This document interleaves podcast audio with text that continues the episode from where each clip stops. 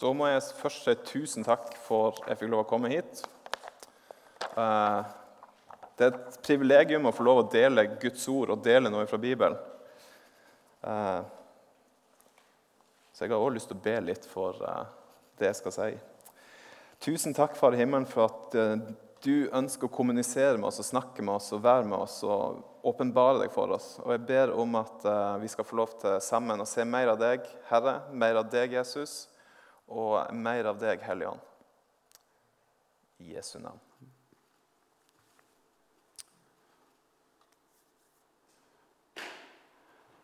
For jeg skammer meg ikke over evangeliet. Det er Guds kraft til frelse for hver den som tror, jøde først og så greker. For i det åpenbares Guds rettferdighet av tro til tro, slik det står skrevet. Den rettferdige skal leve ved tro.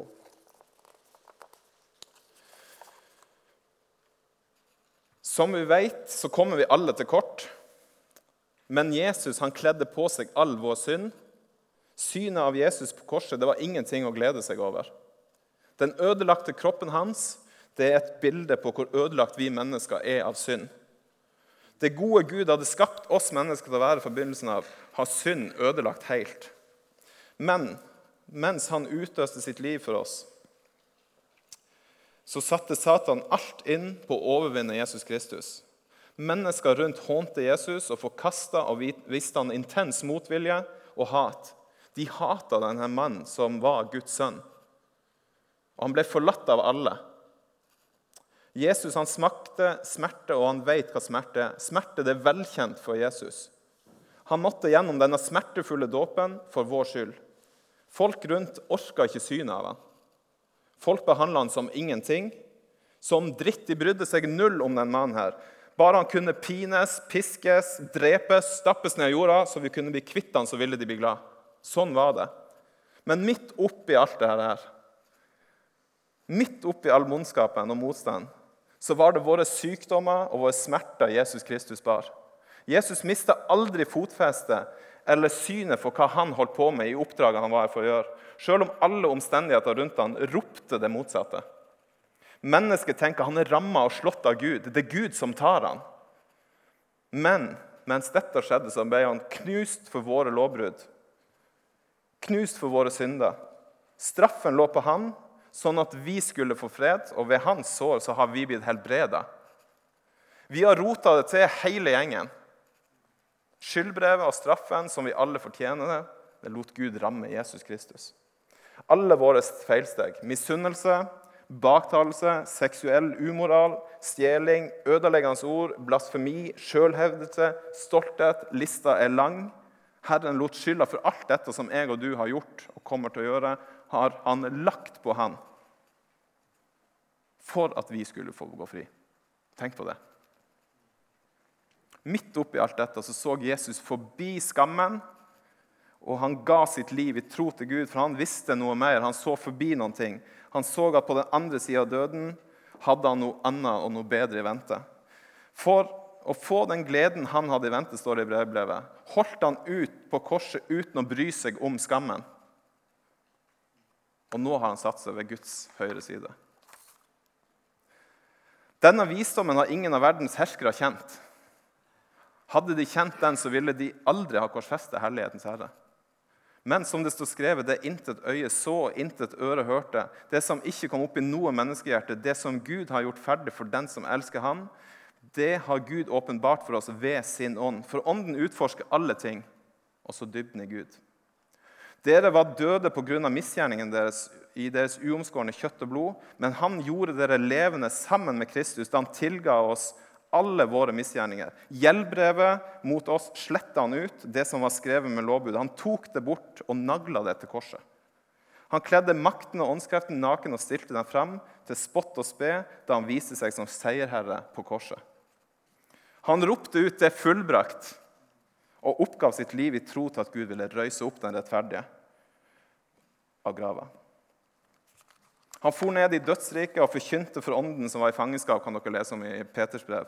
Men den tredje dagen, et, som etter Skriftene og som Bibelen har talt om, så ble Kristus røyst opp fra de døde med sin fars herlighet.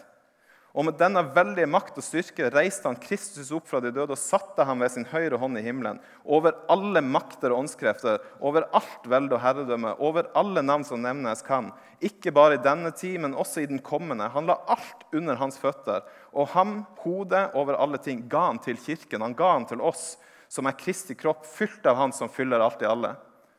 Jesus reiste så opp i himmelen på Kristi himmelfartsdag, eller Jesus sin kroningsdag. Og Jesus han kom hjem til far etter å ha fullført oppdraget som han fikk her på jorda. som Jeg har egentlig bare lest bibelvers til dere nå. Jeg vet ikke om dere har lagt merke til Det Det er bare Bibel jeg har lest til dere nå. Jeg har ikke dikta opp noe sjøl. Men Jesus kom opp til far på kroningsdagen. Og Jesus han var sendt av et oppdrag fra far i himmelen. Og Så kommer han opp på kroningsdagen, opp til himmelen. Og så møter sønnen en stolt far i himmelen. Kan dere tenke det? Jesus har vært på jorda.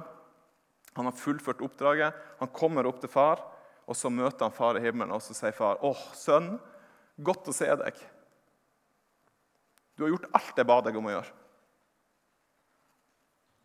Og sønnen har gleda seg til å se far igjen. Det kan vi lese om i Bibelen. Sønnen har fullført alt, hele oppdraget, og Gud sier til ham, 'Kom her og setter min høyre hånd.' 'Nå er det du som er hersker, nå er det du som er konge, nå er det du som er herre.' 'Og så skal jeg legge alle ting under dine føtter.' Så Jesus sitter nå og er konge og herre, og det er det som er de gode nyhetene. Og Jesus han bar fram et eneste offer for synd og satte seg ved Guds høyre hånd. Og nå venter han bare på at hans fiender skal bli lagt som skammel for føttene hans. For ved en eneste offergave har han for alltid gjort dem som helliges, fullkomne. Jesus bar fram et offer, et fullbyrdig offer, én gang for alle. Og det er fantastisk. Det er, en, det er en sånn ekstrem virkelighet i det som vi kan få lov å holde fast på. Det handler om at det han gjorde, var godt nok en gang for alle. Han drakk hele dette begeret som vi skulle drikke, fullt ut. Det var ikke en dråpe igjen, sånn at jeg og du skal få gå fri. Når Jesus da har kommet opp til himmelen og så båret fram offeret og blitt gjort til konge og herre, så er det jo disiplene som venter ned på jorda. De har venta i 50 dager mens dette har skjedd. Fra Jesus for opp på Kristi himmelfartsdag, så har de gått i 50 dager og venta. Så nå skal jeg fortelle om noe som skjedde 50 dager etterpå. For Jesus sier eh, til far Han spør han om et løfte som far har lovet han etter oppdraget fullført. Løftet om Den hellige ånd. Endemålet med oppdraget til Jesus Kristus. Det er vanskelig å finne gode nok ord, men vi har ord som 'prikken over i-en' eller 'seierskransen'. eller det var det han, det, Nå kunne han endelig spørre etter det som han hadde drømt om, det som han kom for, og det som han måtte gå gjennom for å kunne gi Den hellige ånds gave. Det var det jeg snakket om nå. For det var noe mer enn etter korset. Det er noe som vi kan se gjennom hele Bibelen. For far og sønn og Den hellige ånd har lengta siden syndefallet etter å få lov til å ha fellesskap med oss igjen. Det er dette ønsket om å ha et tett, intimt, nært fellesskap med oss. Og det var det som han skapte oss til, å ha dette nære, intime fellesskapet. Og det er kun ved å ha fellesskap, kjennskap med Far i himmelen, at vi virkelig kan bli hele mennesker.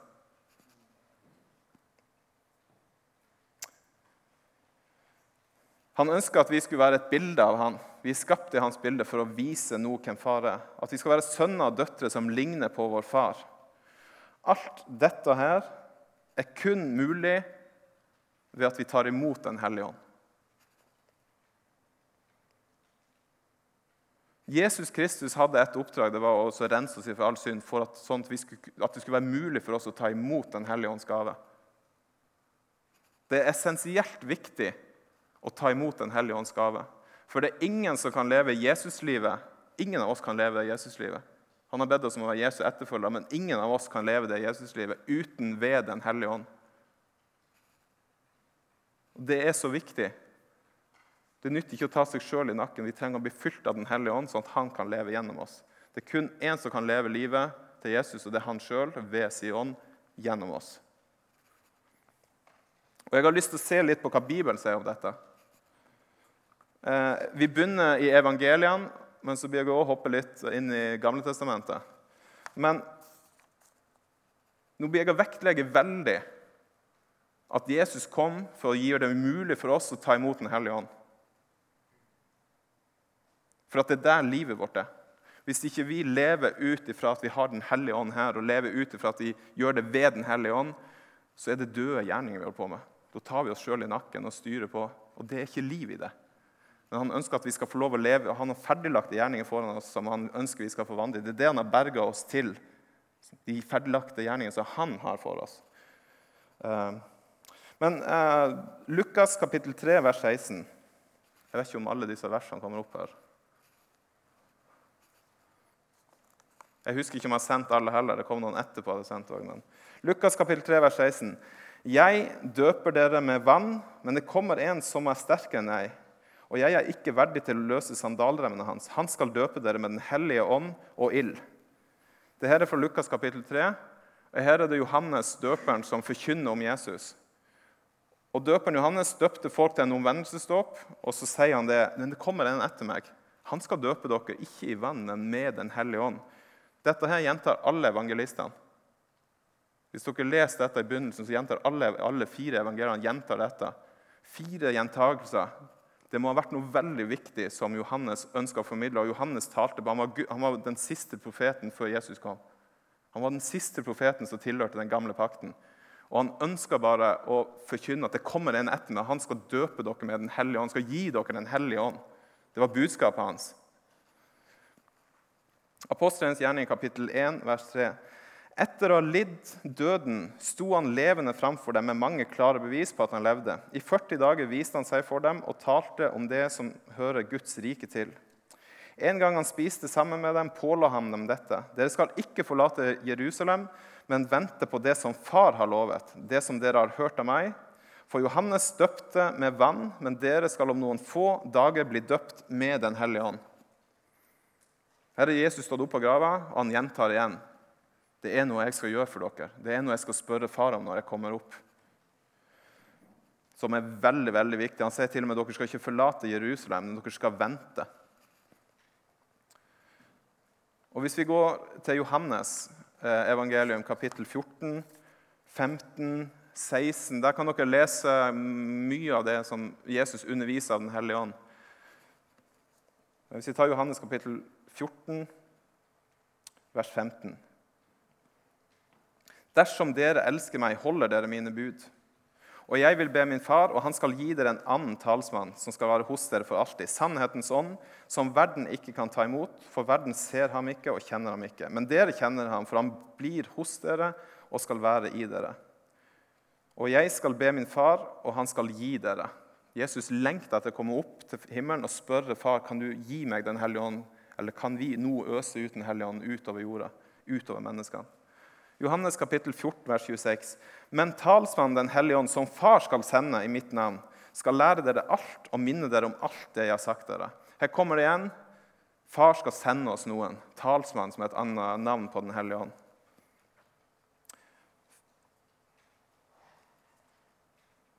Vers, eh, det er også Johannes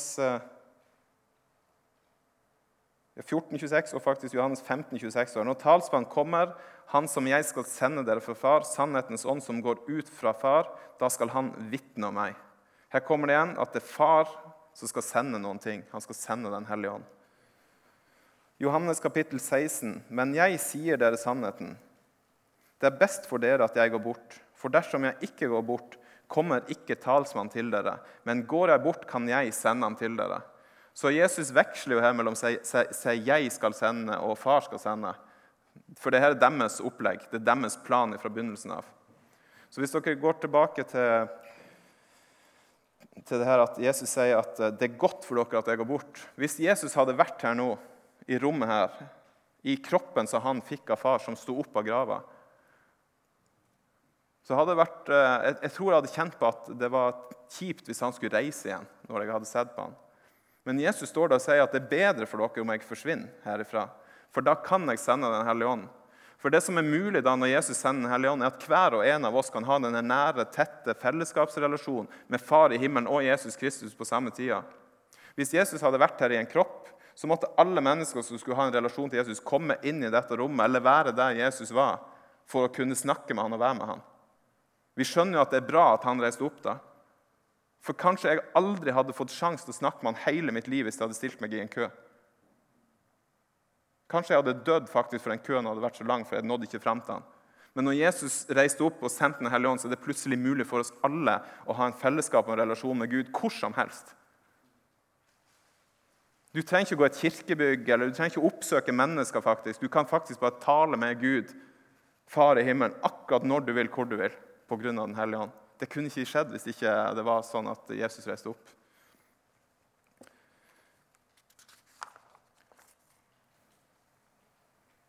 Og det her er ikke noen nytestamentlige greier. Det her er noe som er et lengt ifra Gud som går gjennom hele Guds ord. Så hvis vi går til Gamle testamentet, så kan vi høre profetene som profeterer om det. her, Og så står det å, tenk hvis vi kunne få lov å leve i den tida når Den hellige ånd blir øst ut. Det står at de lengter etter å være der. Se, dager skal komme. Jeremia 31, 33 og 34. Jeg tror det tar oss tid til å lese. Det er bra å lese Bibelen, for når jeg leser Bibelen, det er det som er 100% Dere kan bare ta imot absolutt alt. Det er det beste vi kan høre. Det er det jeg leser fra Bibelen. Og så har jeg noen egne ord rundt. Men det som jeg leser fra Bibelen, det kan vi drikke og ta imot som, ja, rett ifra kilden. Se, dager skal komme, sier Herren, da jeg slutter en ny pakt med Israels hus og Judas hus. Ikke som den pakten jeg sluttet med fedrene deres den dagen jeg tok dem i hånd og førte dem ut av Egypt. Den pakten brøt de, enda jeg var deres herre, sier Herren.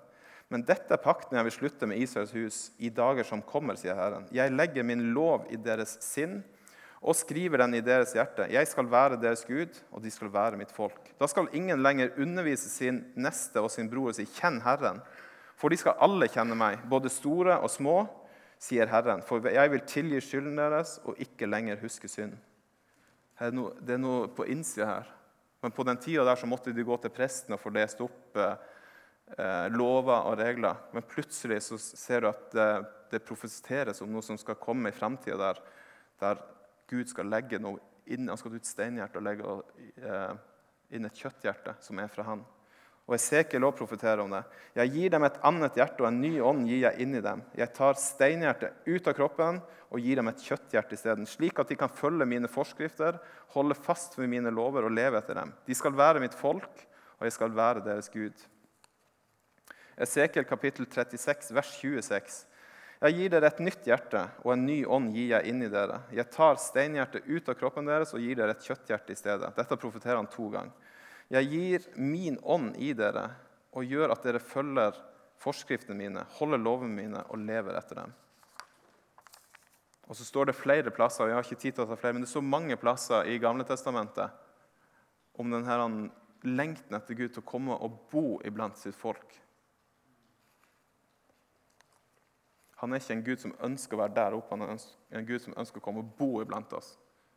Og Jeg og Marius snakket litt om det på torsdag, og det er litt sånn vanskelig å ta inn, men han vil det. Det er utrolig, utrolig sterkt. Og det er en stor glede at han vil ha fellesskap med oss og en relasjon med oss mennesker.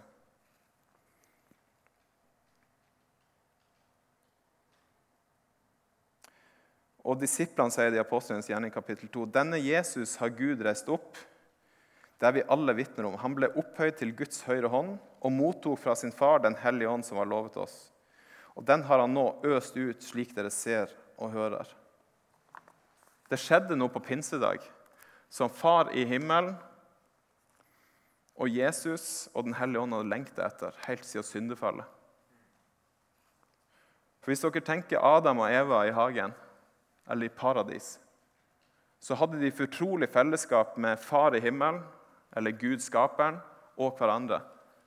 Men så valgte de sin egen vei og Det som ble ødelagt da, det var relasjonen til Far i himmelen og relasjonen de imellom. Begge deler ble ødelagt. Men Jesus kom for å rydde opp i begge deler. Både relasjonen med Far i himmelen, så han, han igjen kan komme og bo nært oss. Og i det og med å bli fylt av Hans ånd Det står jo også at han, altså, eh, den kjærligheten som han er, blir oss, Den hellige ånd og kjærligheten sånn, sånn, at vi elsker hverandre. Det er en, det, er en Eh, respons, eller det er en, eh, hva skal jeg si, det er, en, eh, det, er så, det er, bare sånn det er når vi blir fylt av Den hellige ånd. Så begynner vi å elske Gud og hverandre. Ja, han er kjærlighet.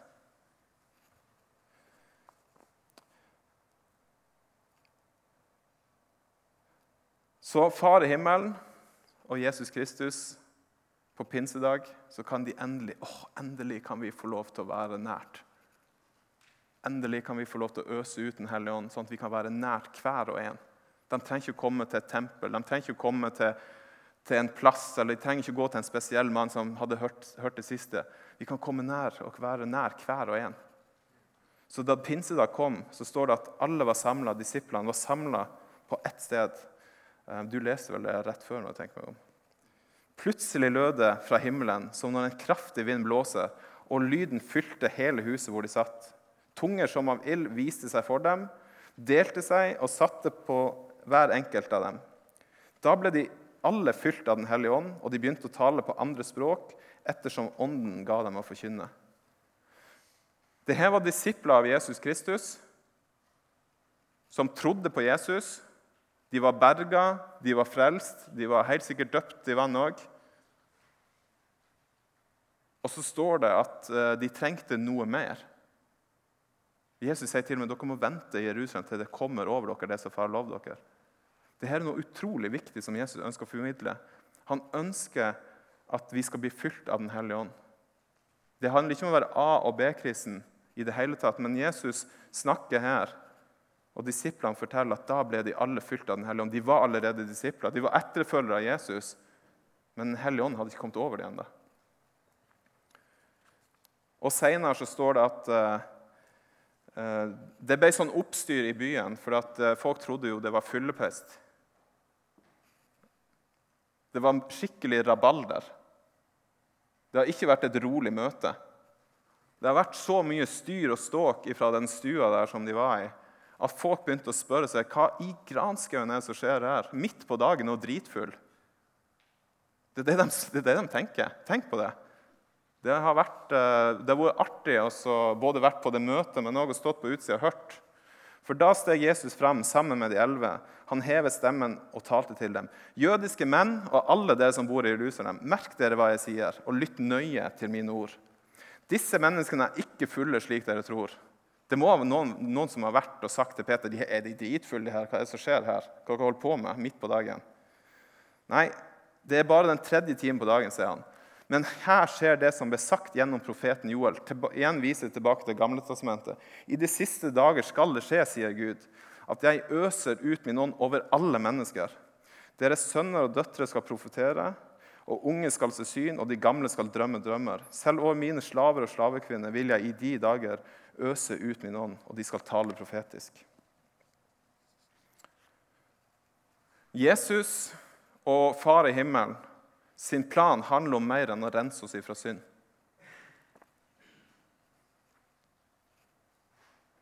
Korset var noe Jesus måtte gjennom for å gi oss muligheten til å ta imot Den hellige ånd. For å gjøre det mulig for oss å rense oss slik at Gud kunne komme og bo iblant oss. Og Det var ikke i hovedsak at han ønska å rense oss sånn at vi var gode nok til å komme til en himmel der fremme. Men han ønska å rense oss sånn at himmelen kunne komme hit iblant oss. Himmelen hit. Det er jo det Jesus ber oss om å be. La din vilje skje på jorda så som i himmelen. Og plutselig er det mulig når Den hellige ånd kan komme her. Det er noe mer for oss enn å bli tilgitt fra synd og hangle videre i livet. Det er et nytt, fantastisk liv som ligger foran oss der i Den hellige ånd.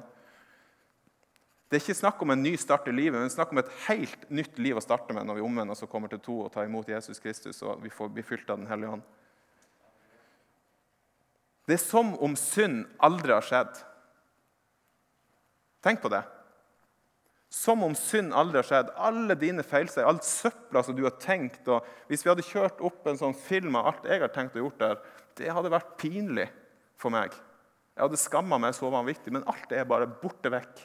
Som om det aldri har skjedd, så kan Den hellige ånd, det er så rent at Den hellige ånd kan komme og bo på innsida. Som om synd aldri hadde skjedd, sånn som det var før syndefallet. Når Gud kunne ha fortrolig fellesskap med oss mennesker. Sånn er det nå pga. det Jesus har gjort. Og det var det han drømte om. Ikke bare, altså ikke bare å rense oss fra synd, men han måtte rense oss fra synd for at han skulle kunne ha mulighet til å bo med oss og være med oss. For han er hellig og ren. og han er en rettferdig og god Gud.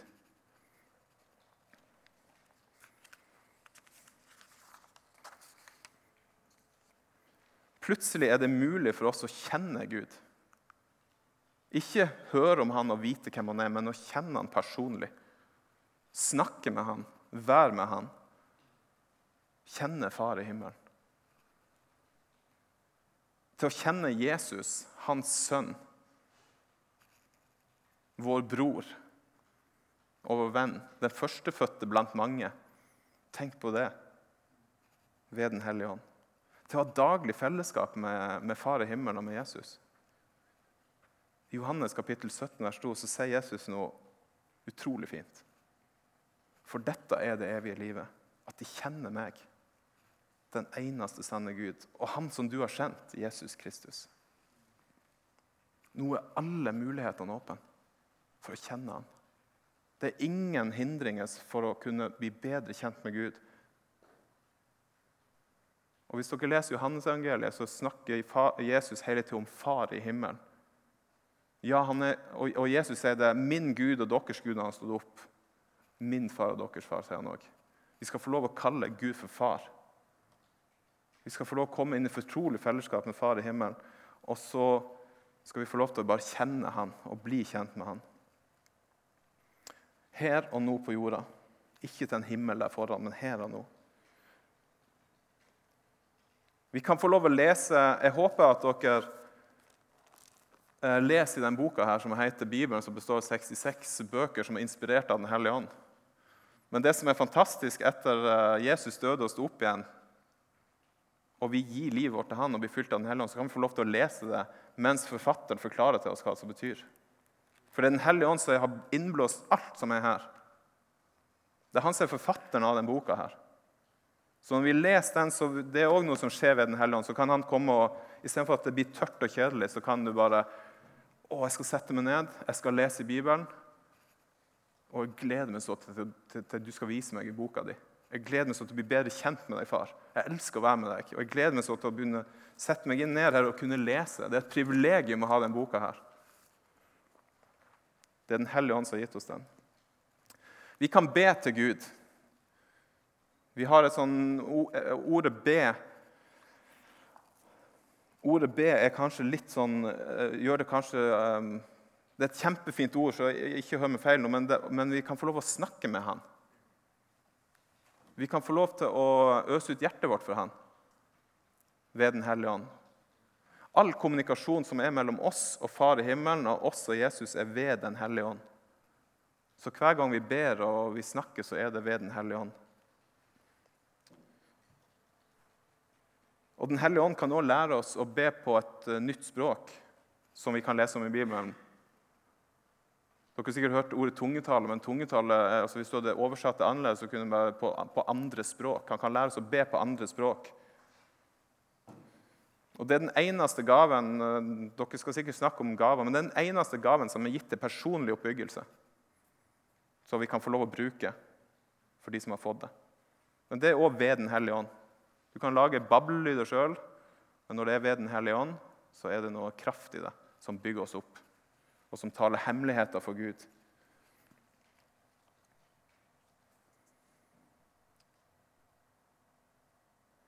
Har dere noensinne vært på et møte der dere bare kjenner at uh, Jeg vet vi skal ikke bygge på følelser, men bare kjenner at her er Gud.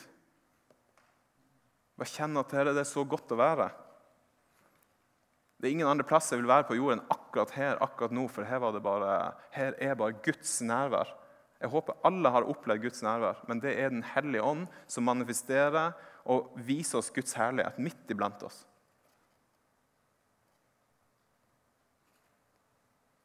Eller i hverdagen. Det, jeg, vet, jeg har en bror som elsker å gå på fjellet, og han sier hver gang jeg er på fjelltur alene, så møter bare Gud meg der. Han må sette seg ned og bare ta det inn. Det er Den hellige ånd som kommer og åpenbarer Jesus og Gud i skaperverket. Det er ved Den hellige ånd, det òg. Når du kjenner det koker over i hjertet av glede fordi at faktisk eh, all den driten som du har gjort, har han tatt på seg. Og så har han gitt deg et nytt liv. Fytti, det er bra, altså. Jeg er så utrolig takknemlig for at alt jeg har gjort, det har han tatt på seg. Og gitt meg muligheten til å leve et nytt liv. Og når jeg tenker på det og begynner å takke han for det, da kommer Den hellige ånd og åpenbarer Jesus for meg. Hvem jeg er, hvem jeg var, hva han har gjort for meg. Det er også ved Den hellige ånd. Og det, stå, det står at uh, den, uh, Guds rike består i rettferdighet, glede og fred i Den hellige ånd. For når vi er rettferdige og vi skjønner at vi er, vi er, gjort, vi er gjort rettferdige, så skjer det noe på innsida som bare skaper en sånn vanvittig glede. Tenk all driten som du har gjort, det er borte vekk. Som om det aldri har skjedd. Jeg blir bare så ekstremt begeistra for det. For er det mulig? Hvordan går det an? Han har bare tatt driten min vekk, og så får jeg stå rein og rettferdig framfor han og bare takke han og prise han for den ved Den hellige ånd. Det er bare fantastisk.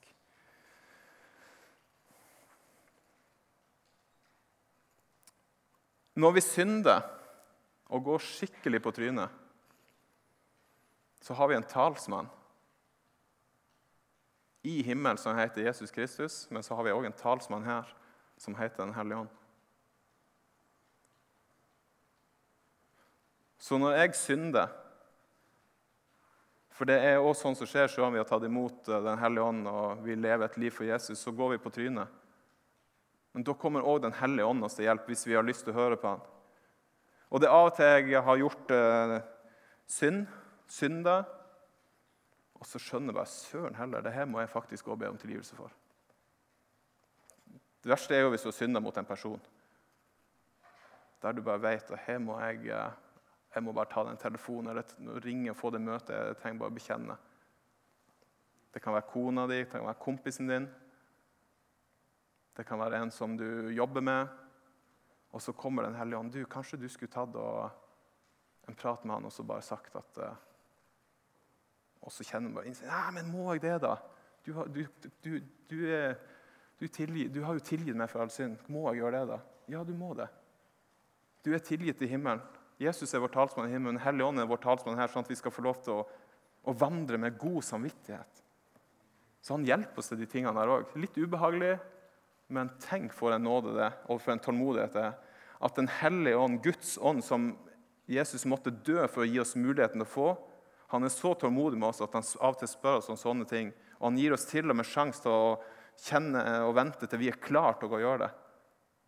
Men han, han gnager òg helt til vi får det gjort. Vi prøver av og til å snike oss unna de tingene der, men så er det akkurat som han legger seg på kvelden, så Ja, hvem er det? Ja, det er Den hellige ånd. Nei, jeg vil ikke snakke med deg. Jo, du trenger å snakke med meg, for at du, eh, det er noe som du eh, har gjort, som du trenger å få ordne opp i. Nei, nå, eh, nå, er jeg så trøtt, nå vil jeg bare sove, så får vi ta det en annen dag. Men Den hellige ånd han gir seg ikke, for han har noe bedre for deg enn at du skal gå rundt med dårlig samvittighet. Han har lyst til at du skal få vandre i frihet og kunne se alle mennesker i øya og møte dem uten å kjenne på at det gnager noen plass. Det er Guds nåde.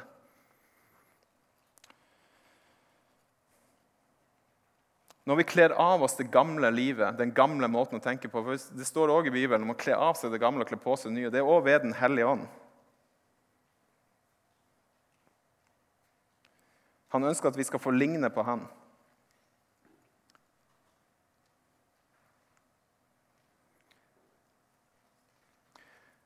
Jeg hadde en del ting som Jesus satte meg fri ifra. Tankemønster, jeg var bundet til pornografi, f.eks. Det tok bare Jesus satt meg totalt fri fra.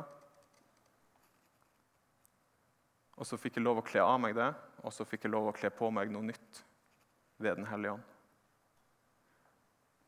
Og Det er sånn som Den hellige ånd kan gjøre. Han kan sette oss fri fra ting som bare binder oss. Og Det kan være forskjellige ting. Nå delte jeg en ting som jeg var bundet av, som jeg er totalt fri fra ved Den hellige ånd. For han kan gjøre under på innsida som vi ikke trodde var mulig.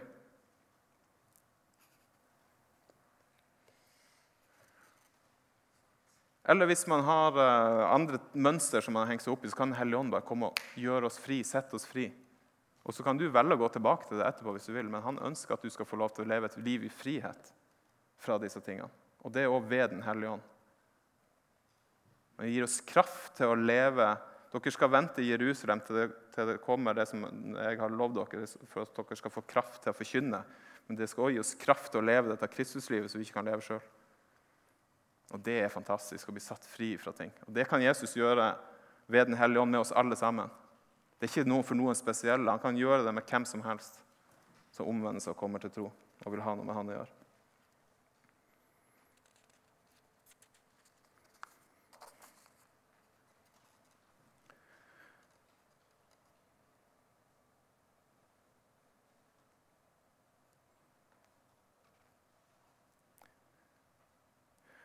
Det står noe Dette her har ikke jeg på verset, her, men det står en plass der at hvis vi skal, bare, vi skal komme framfor Han med bønn og påkallelse og takk om alle ting. Vi skal, nei, vi skal bære alt framfor Han i bønn og påkallelse og takk. Sånn står det. Alt. Og det er òg noe vi skal få lov til å gjøre ved Den hellige ånd. Og det betyr for meg at når jeg har gått på en smell for eksempel, og synda, eller hvis noen har vært stygg med meg og opplevd ting som er utrolig vanskelig, som presser på fra utsida, så kan jeg få lov til å komme fram for Gud i bønn, snakke det ut med Gud, påkalle Han og takke Han. Og Da kan det høres ut sånn som det her for min del.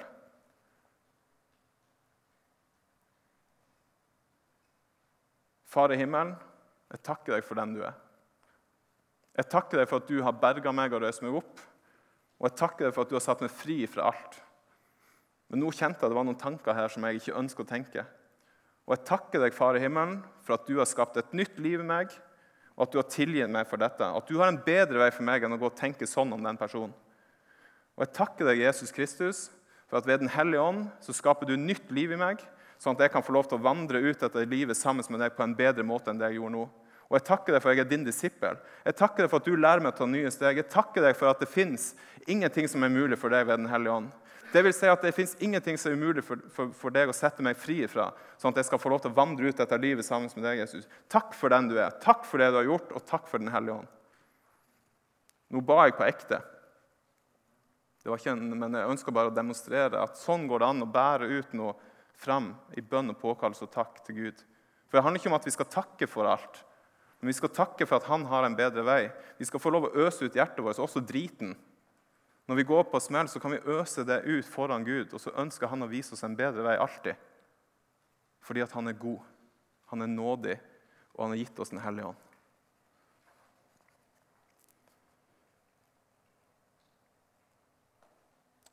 Så Den hellige ånds gave handler først og fremst om å gi oss fellesskapet med Gud og Far i himmelen og Jesus Kristus, hans sønn.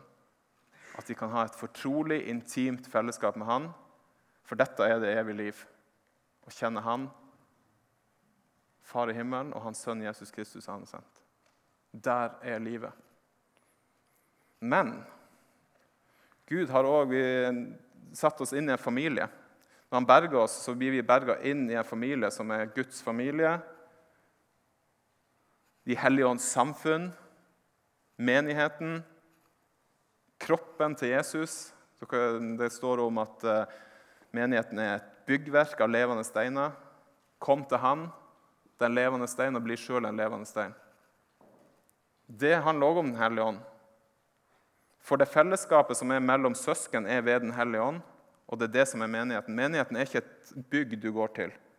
Menigheten er ikke den møtet du har en gang i uka.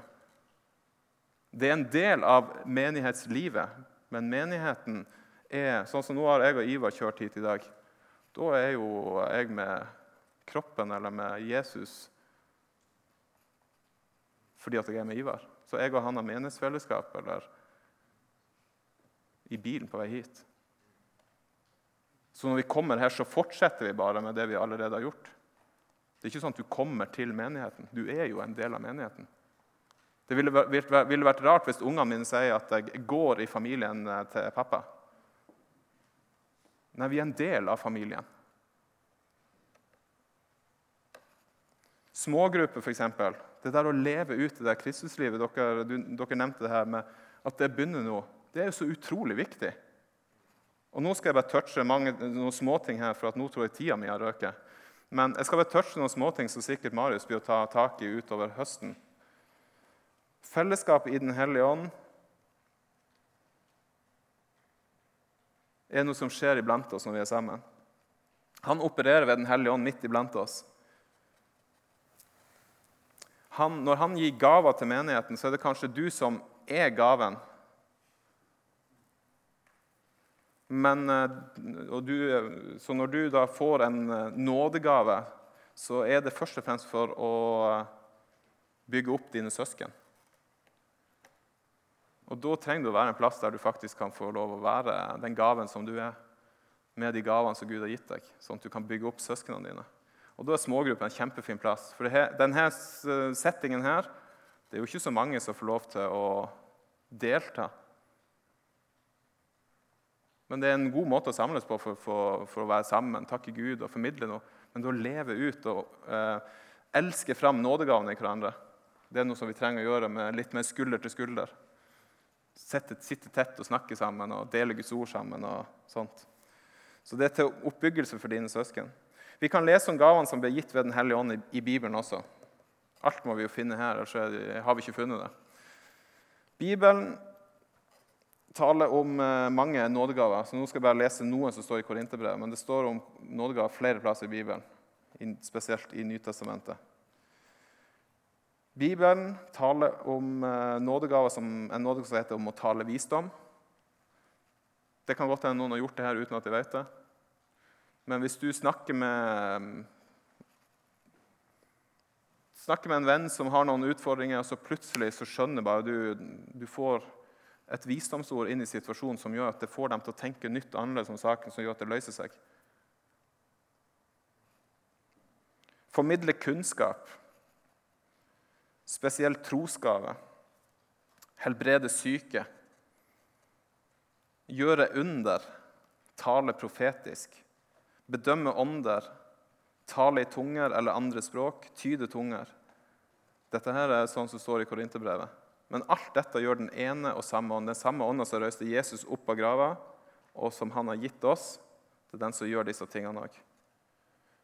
Og Jesus sier i Johannes kapittel 15, vers 15.: Jeg kaller dere ikke lenger tjenere, for tjenere vet ikke hva Herren hans gjør. Jeg kaller dere venner, for jeg har gjort kjent for dere alt jeg har hørt av min far. Så Jesus lengter etter å fylle oss ved Den hellige ånd og komme over oss ved Den hellige ånd. Og det står om å stadig bli full av Den hellige ånd. Paulus sier det, drikk dere ikke drukken på vin, men la dere bli fylt av Den hellige ånd. Det er noe vi kan ta imot i tro. Ta imot Den hellige ånd. Og han døde på korset for å gi oss muligheten til det. Det er noe mer for deg enn å enn å bare bli tilgitt for synd. Han ønsker et liv for oss her på jorda sammen med han, der vi skal få lov til å dra himmelen ned hit og demonstrere Hans rike i oss, rundt oss og iblant oss. Og det skjer ved Den hellige ånd.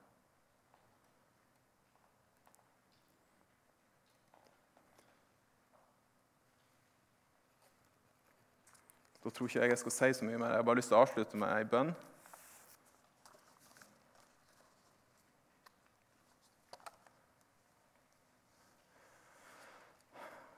Far i himmelen, tusen, tusen takk for at du sendte Jesus hit. At du ble en av oss, Jesus. Og tusen takk for at du fullførte oppdraget, at du har gjort det mulig for oss å ta imot Den hellige ånd. Og jeg ber Jesus